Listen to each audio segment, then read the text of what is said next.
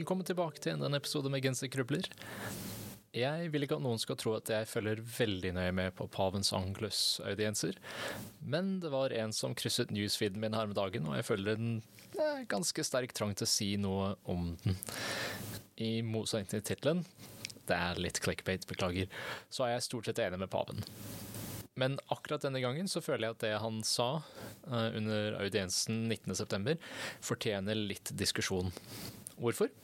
Fordi han snakket om vår plikt til å tjene andre, og siterer Markusevangeliet, som sier om noen vil være den første, må han være den siste av alle og tjener for alle.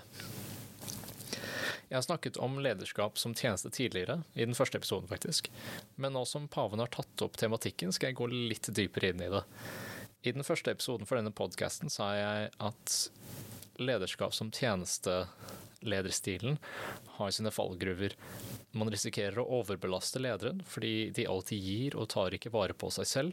Og man risikerer å umyndiggjøre de som ledes ved å gjøre dem til passive mottakere av lederens tjeneste. Lederskap som tjeneste er ikke bare kritikkverdig for hvordan det påvirker vårt syn på oss selv, men også for, for hvordan det får oss til å se andre.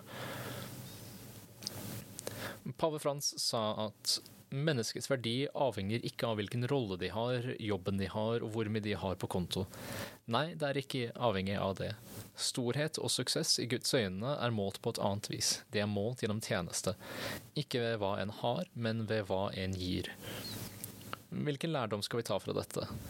Ikke at man skal gi bort alle sine eiendeler, selv om det er noe i det òg, men det er en formaning om å ikke være materialistiske. Selvfølgelig har det en verdi å ha et verv eller en rolle eller en jobb eller penger, men det er ikke disse som bestemmer din verdi. Kristus sin utfordring i evangeliet er ikke å streve etter storhet gjennom rikdom eller selvopphøyelse, men å måle det i hvordan man har tjent andre. Pave Frans sa å tjene er ikke et uttrykk for høflighet. Det betyr å være som Jesus, som oppsummerer livet sitt i noen få ord da han sa han ikke hadde kommet for å bli tjent, men for å tjene. Derfor, hvis vi vil følge Jesus, må vi følge den vei han har staket ut, tjenestens vei.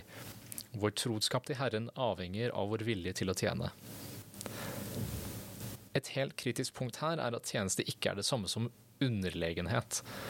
Å være villig til å tjene betyr ikke å underkaste seg andre. Det er viktig å skille mellom hvem vi tjener og hvorfor.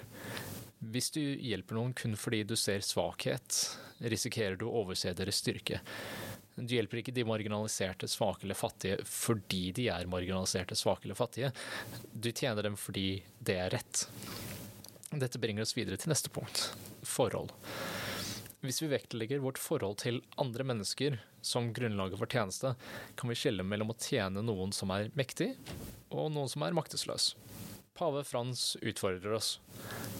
Er jeg som følger Jesus interessert i en som er forsømt, eller er jeg som disiplene og søker kun min egen tilfredsstillelse?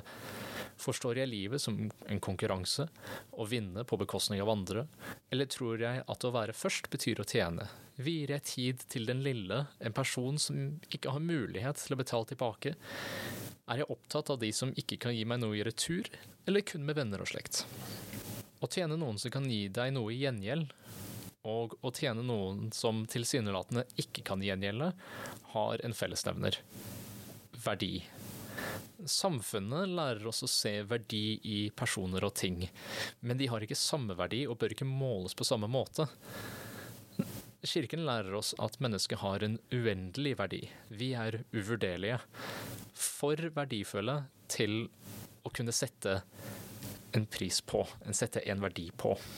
Vi tjener ikke, som pave Frans beskrev dem, de som er nødt til å motta, som ikke kan gi noe i retur fordi de ikke kan gi oss noe konkret i retur. Vi tjener dem fordi de i sitt vesen har en verdi og er verdt vår tjeneste. Vi forventer og tror kanskje at de med makt og rikdom ikke trenger vår tjeneste, men det forutsetter et materialistisk standpunkt. Verdslig og åndelig rikdom er to forskjellige ting. Den første er et nullsumspill, hvor en må tape for at en annen skal tjene, men den andre er plussumspill, hvor begge parter tjener på én parts tjeneste. Hvis du gir bort eiendelene dine, har du mindre eiendeler, men hvis du gir godhet og anerkjennelse, så har du ikke mindre godhet og anerkjennelse igjen etterpå. Men verdslig og åndelig rikdom har ikke et inverst forhold, at når én øker, går den andre ned. Det er en logisk brist. Man kan være både verdslig og åndelig fattig eller rik. Pave Frans oppmuntrer oss til å følge veien Jesus la foran oss, og tjene. Men dette kommer litt i konflikt med forståelsen vår av lederskap. Lederskap er jo å lede, ikke følge. Det er egentlig ingen konflikt her. Å følge og lede er sammenvevd. Spørsmålet er hvem som leder og hvem som følger. Et eksempel.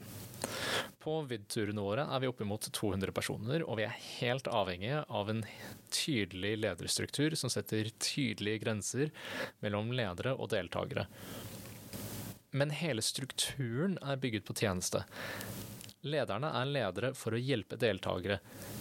Ikke fordi deltakere alltid er i nød og trenger å bli ledet eller tjent, men fordi på den lange, tunge veien mot frelsen, så er vi nødt til å hjelpe hverandre.